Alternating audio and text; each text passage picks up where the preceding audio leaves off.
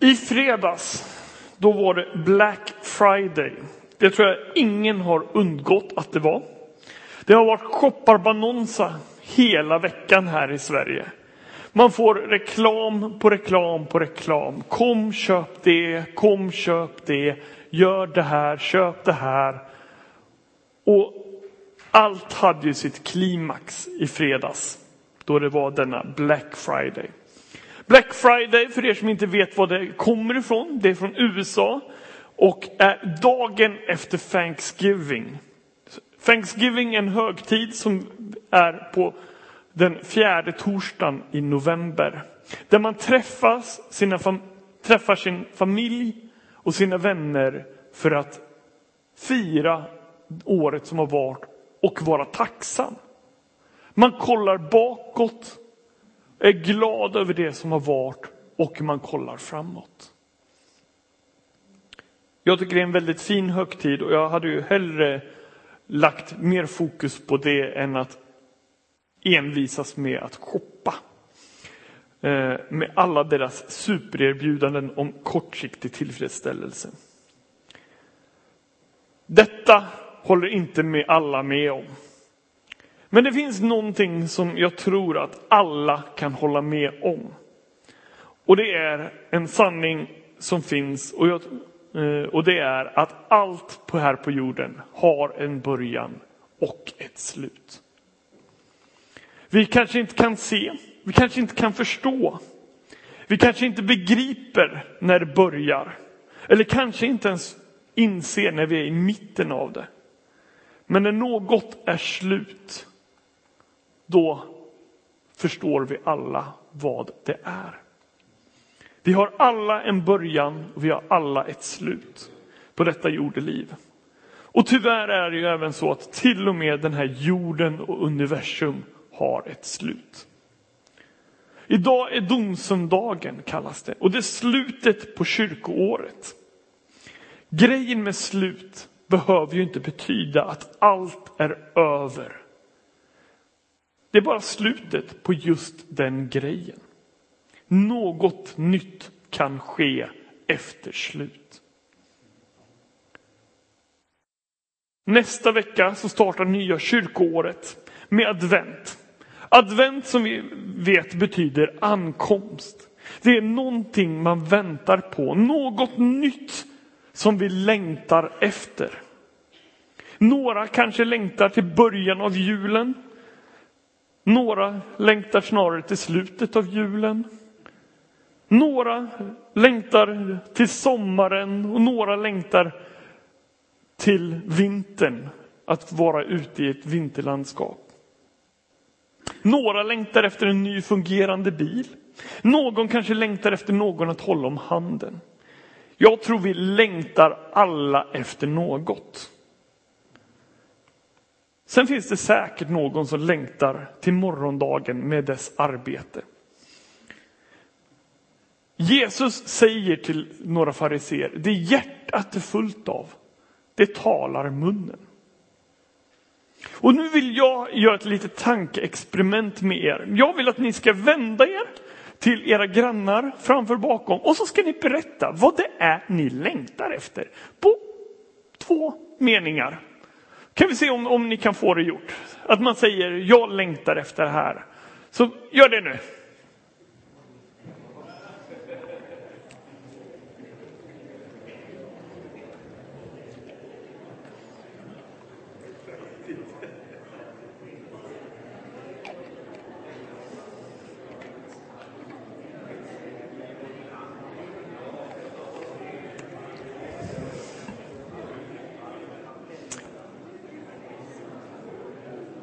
Härligt att höra ert brus.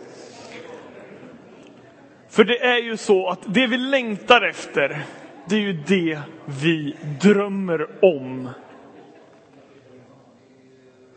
Det vi längtar efter, det är det vi drömmer om. Och jag, vill säga så här, det är ingenting fel att drömma. Det är något som inspirerar oss att tänka vidare, att ta nya steg. Kanske är det steget ett nytt på en stig som ingen annan tidigare har gått. Det är svårt att säga vart en dröm börjar. Men tyvärr är det väldigt lätt att säga när en dröm tar slut. Jag tror vi är skapta för att ha drömmar, för att ha visioner om våra liv. Jag har förstått detta, även om jag inte har kommit dit ännu, men när man får barn, då förändras kanske drömmarna. Att man börjar drömma om sina barn, om sina barnbarn, sina barnbarns barn. Och man börjar drömma, tänk vad de kommer göra. Men bara för det så slutar inte drömmen om era liv. Drömmen ska fortsätta leva. Drömmar utan aktivering, det blir lätt brustna drömmar. Om man bara drömmer utan att gå till handling, då blir man lätt sån som andra brukar kalla för, ja men det där, det är ju bara en drömmare. Som har storslagna planer. Som bygger stora, stora tankeslott. Och knappt orkar bygga ett sandslott. Drömmar behöver gå till handling. Drömmar som inte går igenom, det är något av det smärtsamma vi kan vara med om. Drömmar som slutar för tidigt. Drömmar som blir mardrömmar. Drömmar som man till slut gör vad som helst för att inte ha. Jag vill berätta idag att Jesus, han vill ge helande till våra drömmar. Han kan läka ihop den brustna drömmen. Till den som känner att drömmen har blivit skakad och nött vill Jesus ge ny. Och talang, det är något som vi alla har. På olika saker. Några av oss, vi har talang i ekonomi. Andra har mindre eh, av just den talangen. Några av oss, vi kan sjunga så att änglarna blir, blir svartsjuka. Och några, de kan dansa. Flera av oss kan laga mat. Och flera har många andra talanger som jag inte kan rabbla upp, för det blir för långt. Vi har alla någon talang. I verserna, i Matteus 25, verserna 14 och framåt till 30 så berättar Jesus en liknelse. Och då har vi den där. Det ska bli som när en man skulle resa utomlands. Han kallade till sig sina tjänare och anförtrodde dem sin förmögenhet.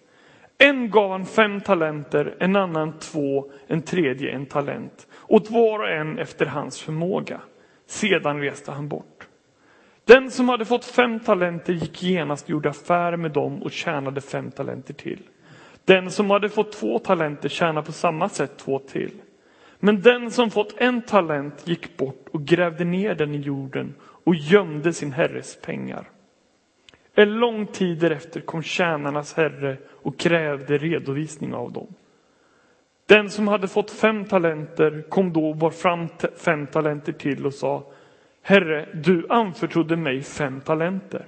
Här är fem till som jag har tjänat. Hans herre sa då Bra, du gode och trogne tjänare. Du var trogen i det lilla. Jag ska sätta dig över mycket. Gå in i din herres glädje. Så kom den som hade fått två talenter fram och sa Herre, du anförtrodde mig två talenter. Här är två till som jag har tjänat. Hans herre sa till honom, bra du gode och trogne tjänare.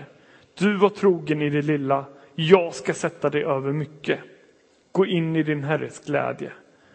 Även den som hade fått en talent kom fram. Han sa, Herre, jag visste att du är en hård man som skördar där du inte har sått, samlar in där du inte har strött ut. Jag var rädd, så jag gick och gömde din talent i jorden. Här har du vad som är ditt. Hans herre svarar honom, du usle och late tjänare, visste du att jag skördar där jag inte har sått och samlar in där jag inte har strött ut? Då skulle du ha satt in mina pengar på banken så att jag hade fått igen det som är mitt med ränta när jag kom. Ta nu ifrån honom talenten och ge den till honom som har tio talenter. Var och en som har ska få, och det i överflöd. Men den som inget har ska bli fråntagen också det han har. Kasta ut den odugliga tjänaren i mörkret här utanför. Där ska man gråta och gnissla tänder. Talent, det var en viktenhet som man vägde mynt under antiken. En grekisk talent i silver, det var ungefär 26 kilo och var ungefär en årslön. Talent är även ordet för vad som har blivit talang. Den här liknelsen vi lyfta upp är att ta vara på din talang. Låt inte din talang, talang bli nergrävd. Låt ingen förringa din talang, utan dröm om din talang. För er, för er äldre som känner att era talanger kanske har förtvinat. Just nu, en trappa ner, så pratar man om Mose. Han kom inte i tjänst förrän han var 80 år. Noa, han var äldre. Jesus slutar inte där, utan går vidare med det som är även söndagens evangelietext. Där det står när människorna kommer i sin härlighet, när människosonen kommer i sin härlighet och alla änglar med honom, då ska han sätta sig på sin härlighetstron. Och alla folk ska samlas inför honom och han ska skilja dem från varandra. Som en herde skiljer fåren från getterna och fåren ska han ställa på sin högra sida och getterna på den vänstra. Då ska konungen säga till dem som står på hans högra sida. Kom ni, min faders välsignade, ta i besittning det rike som stått färdigt åt er från världens begynnelse. Ty jag var hungrig, ni gav mig att äta. Jag var törstig, ni gav mig att dricka. Jag var främling, ni tog emot mig. Jag var naken och ni klädde mig. Jag var sjuk och ni besökte mig. Jag var i fängelse ni kom till mig. Då ska det rättfärdiga svara honom. Herre, när såg vi dig hungrig? Eller gav dig att äta? Eller törstig och gav dig att dricka? När såg vi dig vara en främling och tog emot dig? Eller naken och klädde dig? När såg vi dig sjuk eller i fängelse och kom till dig? Då ska konungen svara dem. Amen säger jag. Allt vad ni har gjort för en av dessa mina minsta bröder. Det har ni gjort mot mig. Här har vi för det första ett glädjande besked för er som tvivlar. Det är inte en fråga om Jesus kommer tillbaka. Det är en fråga om när Jesus kommer tillbaka. När Jesus kommer tillbaka så kommer han i sin härlighet dessutom. Han ska sätta sig på sin tron av härlighet. Den Jesus jag känner, han kommer döma. Och det är samma Jesus som är barmhärtig och förstående. Det är samma Jesus. Jesus ser våra drömmar. Han ser även våra handlingar. Han ser framför allt vad vi gör mot våra minsta då han även personifierar sig med de minsta. Idag har vi ett starkt diakoni här i församlingen. Diakoni, för er som inte förstår det ordet, det är ett grekiskt ord som betyder just betjänande på just de här punkterna. Starkt kan alltid bli starkare. Kanske drömmer du om att ta vara på din talang varför ska den inte få komma till nytta i vårt församlingsarbete? Ensam är inte stark. Ingen kan i sig själv göra något. Men tillsammans kan vi använda våra talanger, våra talenter för ett bättre starkare Mölndal, Göteborg, Sverige, värld.